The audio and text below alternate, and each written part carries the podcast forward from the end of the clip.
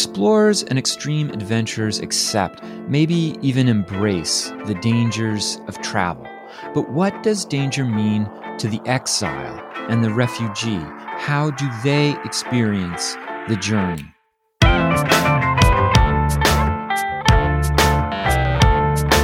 It's time to eat the dogs.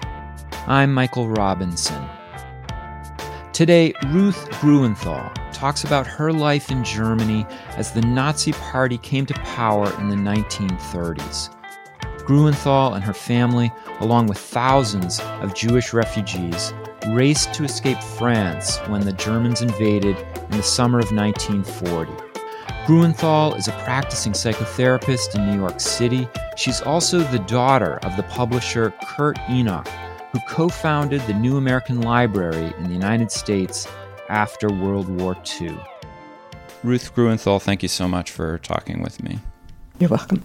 So, your father, Kurt Enoch, in the early 30s, uh, was one of the founders of a new press, the Albatross Press, which published Anglo American books in English and did quite well in the early 30s. Mm-hmm. But as the Nazi Party took over, his life and your life became more and more circumscribed. I was wondering if you could talk about about that.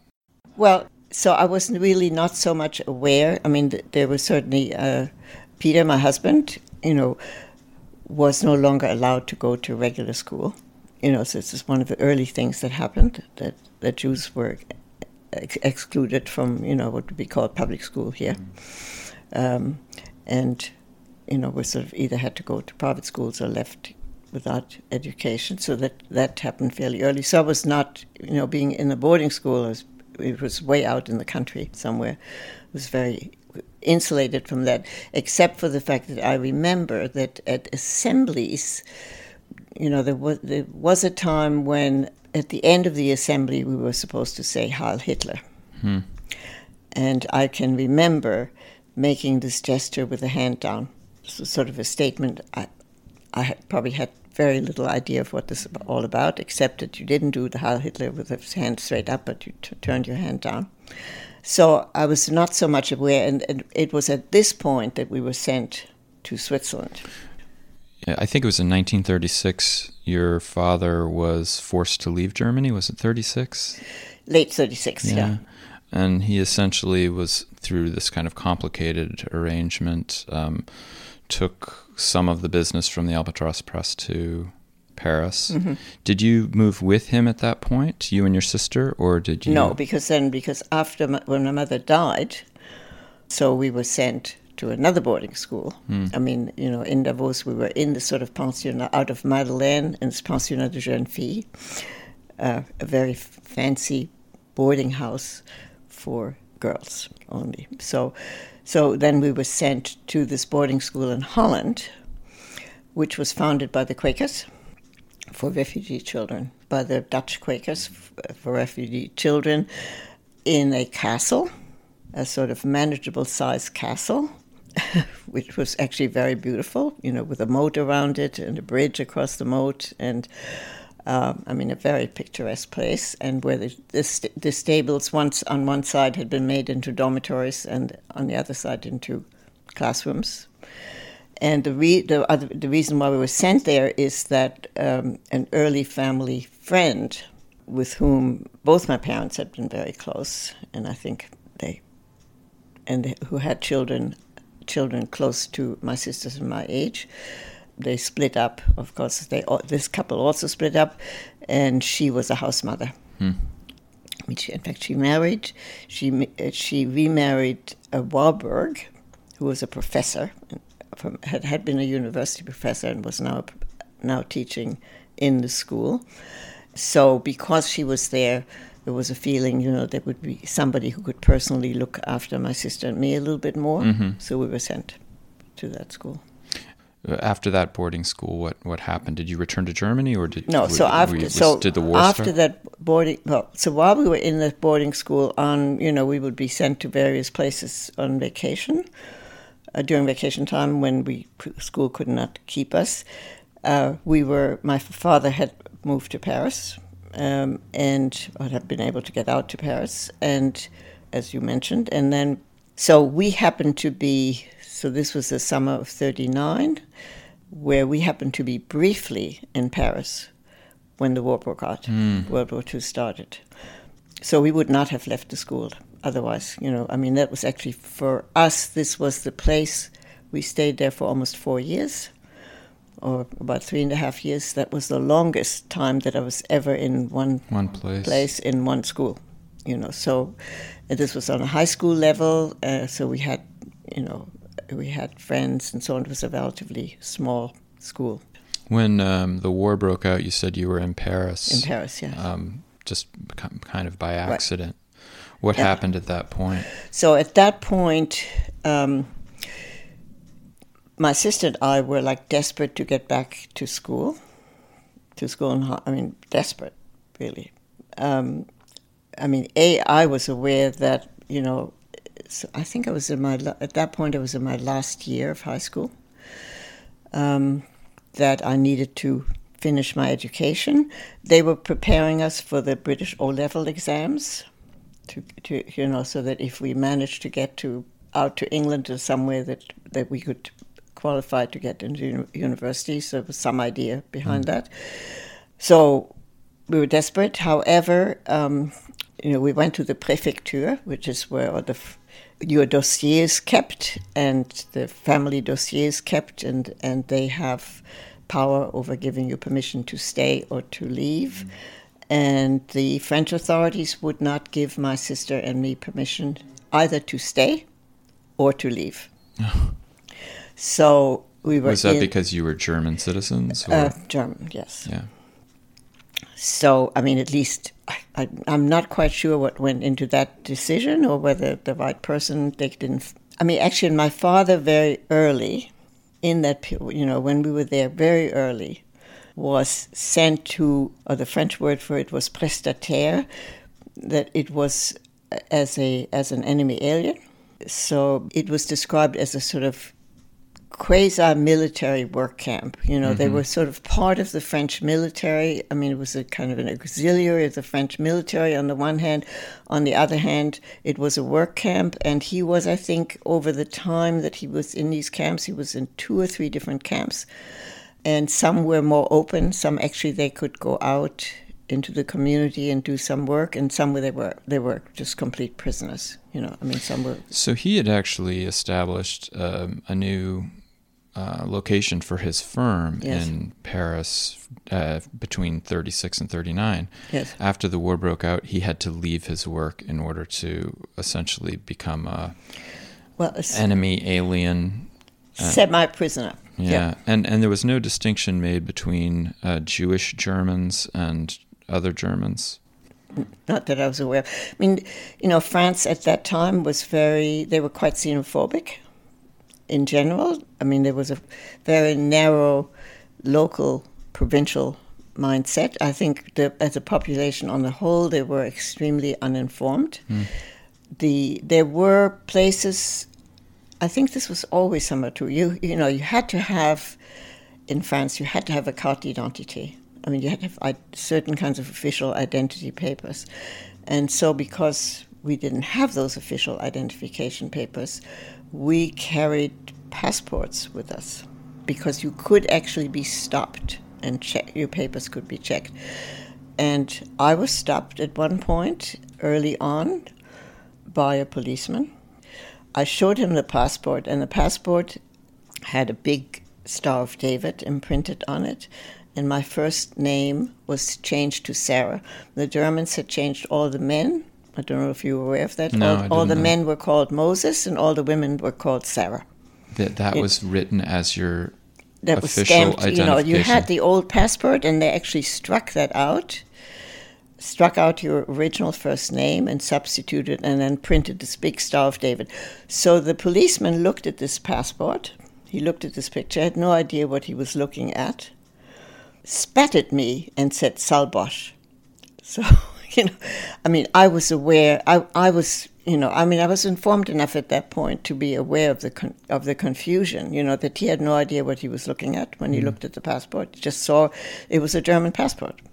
That's all he read. He That's all read- he saw. That's all he saw. You know, so they were profoundly uninformed.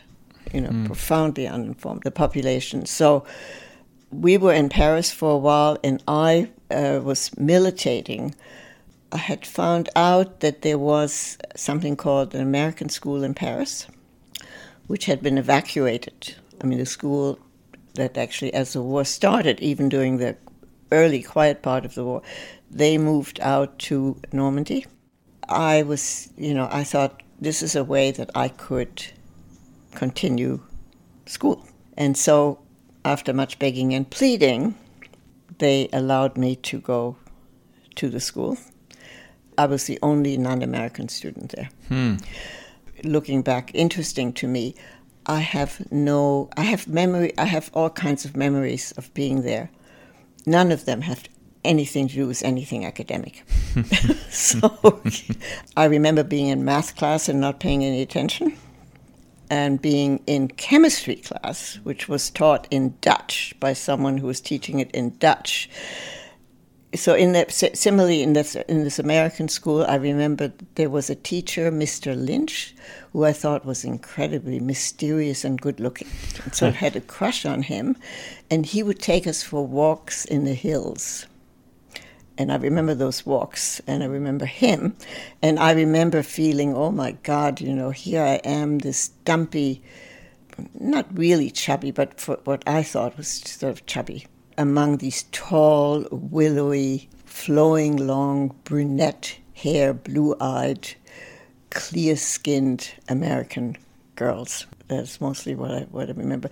And then the schools, the area started to be bombed. I mean, the Germans were beginning to prepare their invasion of Holland, Belgium, and you know, moving, yeah. moving. I mean, this is when the war became active.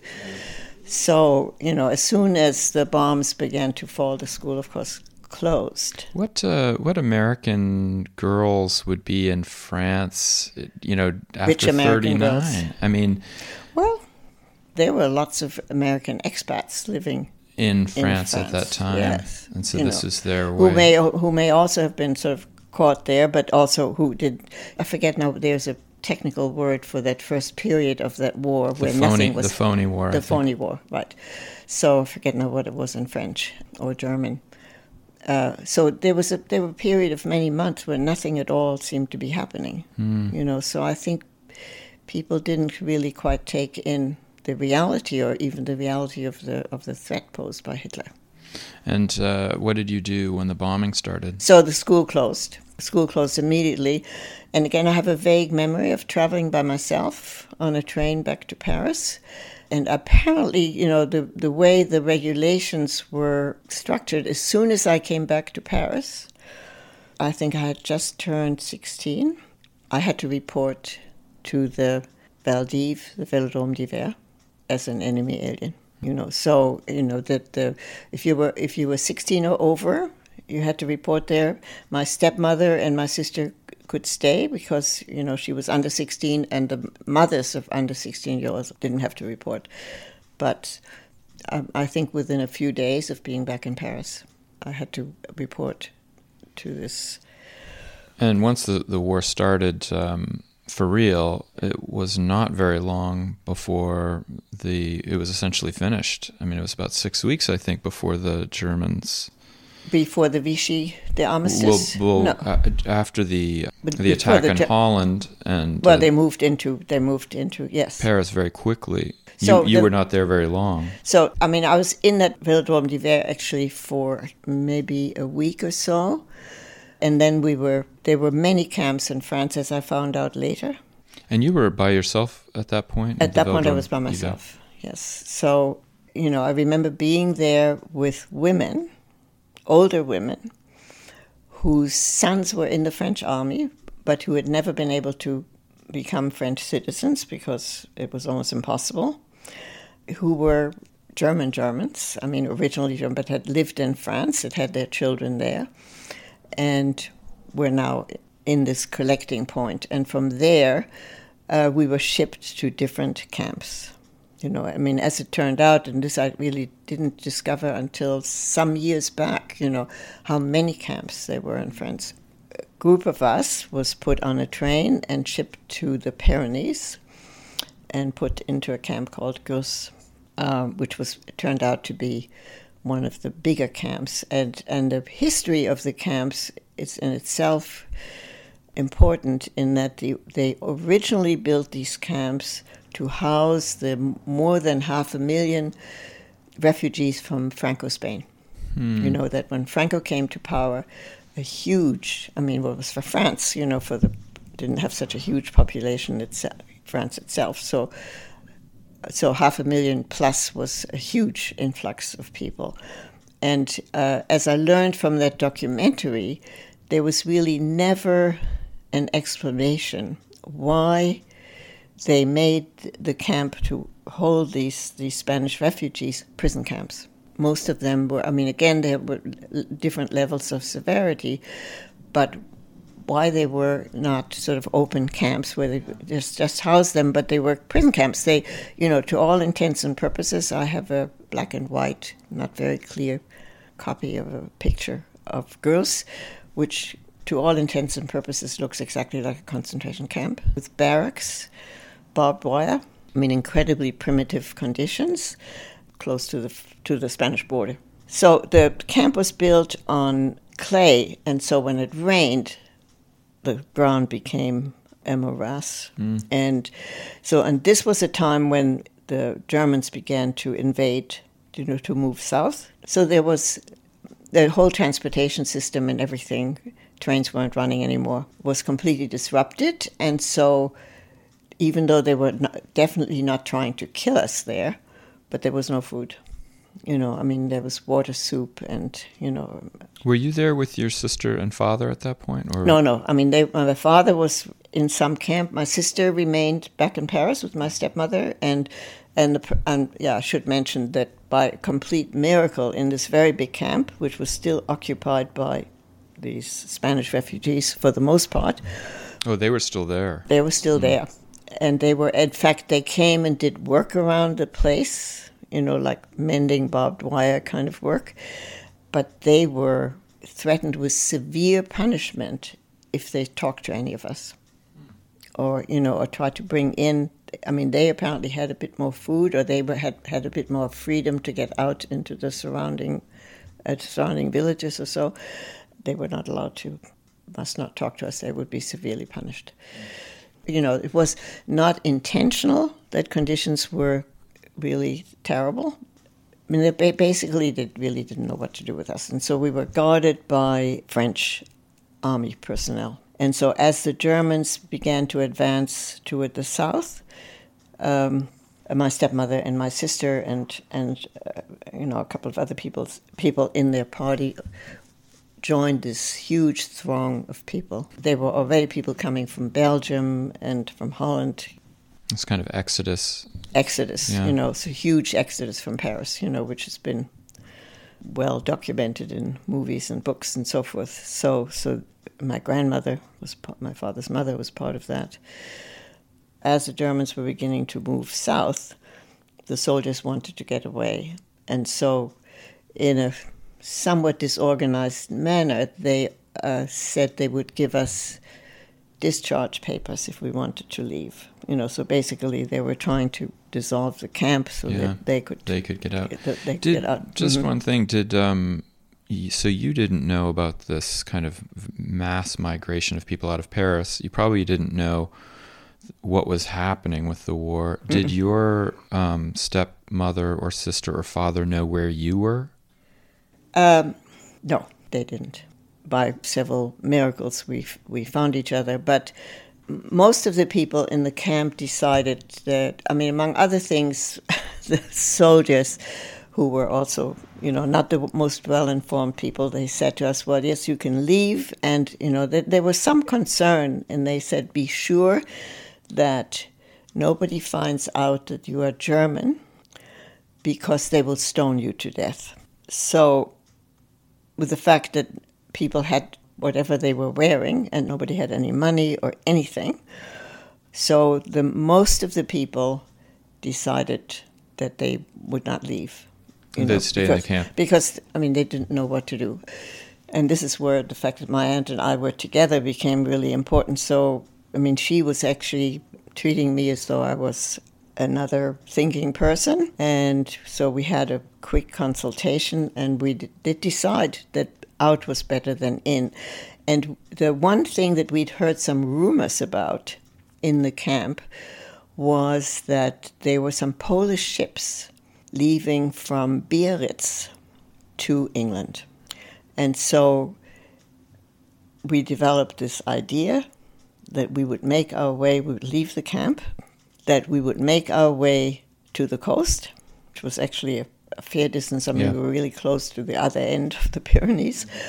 And we would somehow find a way of getting on one of these Polish ships. How? We had no no reason, since we had no money. And, you know, it was a sort of last ditch, desperate fantasy that we maintained. My father's sister, who was a, you know, what was not unusual for a generation, she was a professional person. She was a PhD chemist and had been working in research, you know, so she was quite an independent woman. A fiendish severely addicted smoker, which became a major issue in our travels, in our travels together, getting cigarettes without money. so became an essential part of our, you know, getting food and getting cigarettes. But that cigarettes was... were almost more important than food. So we had this idea. She was the grown up, and I thought, okay, she thinks we can do that so probably we can do that, you know. so, I mean, I still had this feeling that grown-ups know what they're talking about. So she was she um, working in Paris yes. uh, before the war started. She actually managed to get a visitor's visa to get out to France. Uh, she did not have permission to stay in France, and they gave her a temporary visa. And she used that visa, and she stayed in France. The German government came after her because mm. she didn't, you know, you had to pay a huge sum of money to get out of Germany if you actually emigrated. She didn't do any of that. So, as far as they were concerned, she owed them a ton of money. They pursued her for the money, but because she had been, she, the German government also at some point early on declared all, not only did they have the Star of David and the changed first names, but then they declared all Jews stateless. So legally, since she was stateless, the German government no longer had any say over her. Oh, interesting. So so she managed, you know, so she managed to get out that way and, and then actually worked with my father. So you were in this camp when the, it started to dissolve, and yeah, your right. aunt basically made the recommendation you should try to work towards the coast and get out of France. Right. So how do you do that without any money what? So here was I was starting to be somewhat malnourished, and it's the only part of this whole experience. I mean, the memory of what it was like in camp, pretty clear. That whole journey where I, I started to be in somewhat bad shape. I mean, there were, you know, because of the fact that there were beginning to be quite a few refugees, there were some soup lines, you know, some Red Cross soup lines, and we would stand in line and I would pass out. Hmm. You know, I mean, just standing, you know, the blood would sort of drain. And I was a teenager at that point, and so my caloric requirements were probably higher. So I was beginning to show some signs of under and malnutrition. I have some vague memories that some, uh, I mean, of course, they spoke, you know, that very southern French dialect. My aunt spoke a very German, heavily German accented French. Mm. My accent was actually better, but my French was pretty much picked up by ear. I mean, I'd, I'd learned some form of French, but not very much. So I, I could sound better than she did, but, but my vocabulary was more restricted. So, in any case, no, nobody gave us a hard time refugees were beginning to, to arrive in that area, plus the fact that the in general that area was kind of a socialist stronghold. Stronghold. was that because of the became, refugees from Franco's Spain? Perhaps I, you know, I actually haven't studied that part of the history enough, or perhaps also because, I mean, there was a very strong left wing movement in France, which mm-hmm. actually continued. But in any case, so we were occasionally allowed to sleep in the barn and given something to eat by some farmers. Uh, in addition to the soup kitchens, uh, my aunt was very concerned about my state of health, and she actually found a lab somewhere where they gave me a vitamin B12 shot. so she was trying to see what she Wow. could do. Given her scientific background, she sort of felt that I was probably anemic and that something should be done. Somehow we made our way just walking. To know, the coast, you Partly because I think I was in both sort of somewhat physically and psychologically stunned at that point. So we made our way to the coast to Saint Jean de Luz, which is just south of Biarritz. It's a seaside resort, a very resorty place. I mean, here again, chance played sort of a major role. We walked into a hotel, you know, hoping that they would let us sleep somewhere. So my aunt got into a conversation with the owner of this hotel, and it turned out that he had been some kind of a high up person at the Ritz, which was on the Place Vendôme, sort of across the Place Vendôme from where my father's publishing house was in Paris. office in Paris. Yeah. Know, he both lived and worked in quite prestigious. somehow managed to do that. Uh, I actually don't quite know how, but he managed to do that. So he knew who my father was, and so he not only let us sleep under the dining room table in the dining room, but he gave us, I don't know how much money, he gave us a little bit of money. He said, just because I know somehow he felt called upon. But the next thing that happened, I think, was that within maybe a day or so, the armistice was signed and the area we were in became part of the German occupied zone. Hmm. So This is the beginning of the Vichy. Yes, this was the beginning. You know, Vichy- it, Vichy was France. declared. You know, so we we learned about this Im- immediately. I mean, there were actually some Polish ships there, but we never had a chance because we had to get out of there immediately. Did you see the armistice as a threat or as something that was? Did you understand that this was going to be? Vaguely, vaguely. You know, I mean, it, it became a threat because of the the fact that we were now in going to be in t- territory that was going to be German, German occupied. You know, so it was very clear. It was completely clear that we had to get out of there.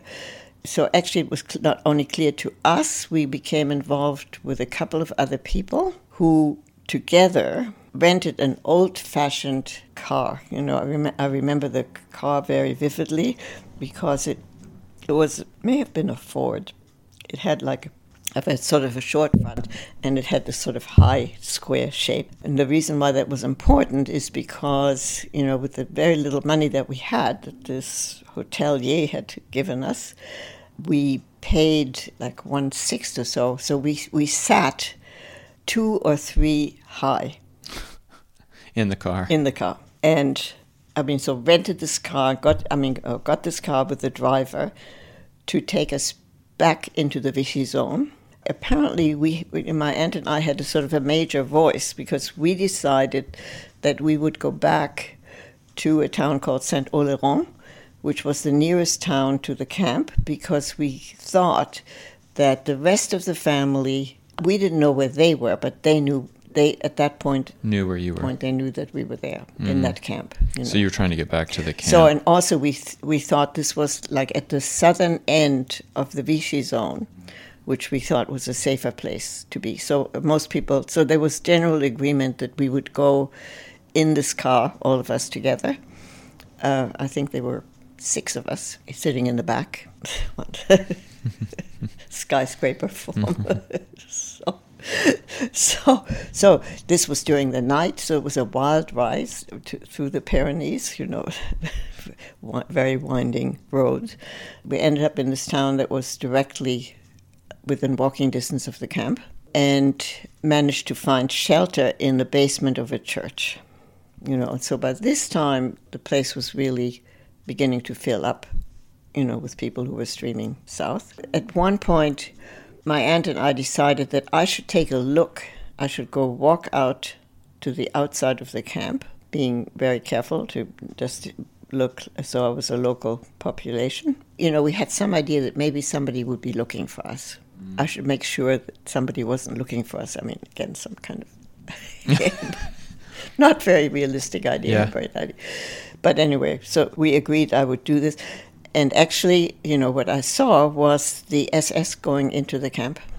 From fairly early on, the Vichy government, which was supposedly independent, was allowing, you know, so that actually those people who stayed in the camp, a very substantial portion of them ended up deported. So, so they would raid the camp. Was a significant number of the so called enemy aliens in this camp Jewish? Yeah. They were. I would say probably the the majority of those, you know, you know, one of the ironies of the camp in that the the famous Vel d'Hiv, you know, which was the collecting point for the enemy aliens, in 1942 became the collecting point for the infamous roundup of the Jews. Mm. You know, and what I later learned about the roundup of those Jews is that the Vichy government decided to make this a mark of the fact that they were still in charge. Oh. And so they took over. They negotiated with the Germans that they would do this roundup, that they would be in charge. Because originally, apparently, the Germans did not want women and children, they just wanted the Jewish men rounded up the French were going to do it their way, and so they included the women so and children. deportation of German Jews and other Jews out of France, French Jews Both was French and and whoever was left. I don't know even know the details that my grandmother, you know, who lost the rest of the family in this exodus, made her way somehow managed to make her way back to Paris and was actually in Paris at that time. Was not included. She was not included in, the, in that roundup. And this is a way for Vichy to express its autonomy. Exactly. Yeah. Yeah. Mm. I mean, actually, yeah.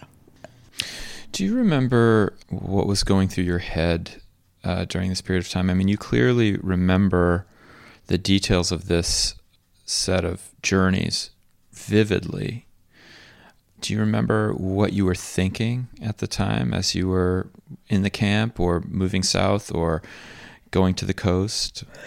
Uh, I mean, the my the the first thing you know that which is sort of a sort of crossover into my becoming uh, becoming a therapist is that I early on and actually once declared in a letter to my mother when we first were sent to boarding school saying I do get homesick, but what I do is help others. Mm. And that takes, you know, the implication was, you know, once I help others, that takes care of that. And so, so when I was first in this in this Velodrome d'Hiver, you know, which was a crazy place actually. I don't know if you ever saw a picture of it. Uh, in, this is an outdoor camp. This is a, no, this is an indoor indoor bicycle racing stadium, a famous place for the sport, in these very steep stands, and in these steep stands one of the things that I remember, I mean, aside from sort of making a home, I mean, I, I, I, think I had a towel and whatever I had, you know, I would sort of neatly arrange and sort of make a little home for myself. I was busy writing letters for these French, these older French women who were virtually illiterate. Mm. Letters to various authorities pleading the case that their son was in the French army, etc., etc., trying to get out of the situation. Uh, so you know, the whatever short time I was there, I was I was doing that. I would say the rest of the time, in looking back, you know, I was always sort of trying to kind of make myself at home in whatever way I could, in whatever spot I was, and focusing completely on what I would call putting one foot in front of the other mode you know, without being aware of it at the time, I pretty much eliminated thinking about, you know, I mean, I sim- simply sort of dealt with the situation at hand and sort of felt, okay, this is my life now. Which I think was probably already had some continuity with, you know, the way in which I dealt with with these other changes. Yeah. Of of simply sort of uh, eliminating too much feeling about it and just coping you know. In fact, I would have, I had later on a repetitive dream that that I had, you know, into into my well into my adult years in the in the U.S. Uh, periodically would have this dream of walking in an icy landscape where there was some hills. It was very bleak, no other person present and just putting one foot in front of the other you know being completely focused just on keeping going you know Mm. so so i think this was pretty much the pretty much the mode that i was in um, So this was a natural thing that you did. You just i sort of developed that you, you know i mean developed it. in clinical terms you know I, I was i was in a pretty dissociated state but highly functional in Mm. the sense that i was sort of coping with matters at hand and feeling that this was something i could do That's the end of part one of my interview with Ruth Gruenthal. Next week, in part two, Gruenthal talks about her difficult escape from France across the Pyrenees Mountains into Spain. And she also talks about the challenges of adapting to life in the United States after her experiences of the war in Europe. See you next week.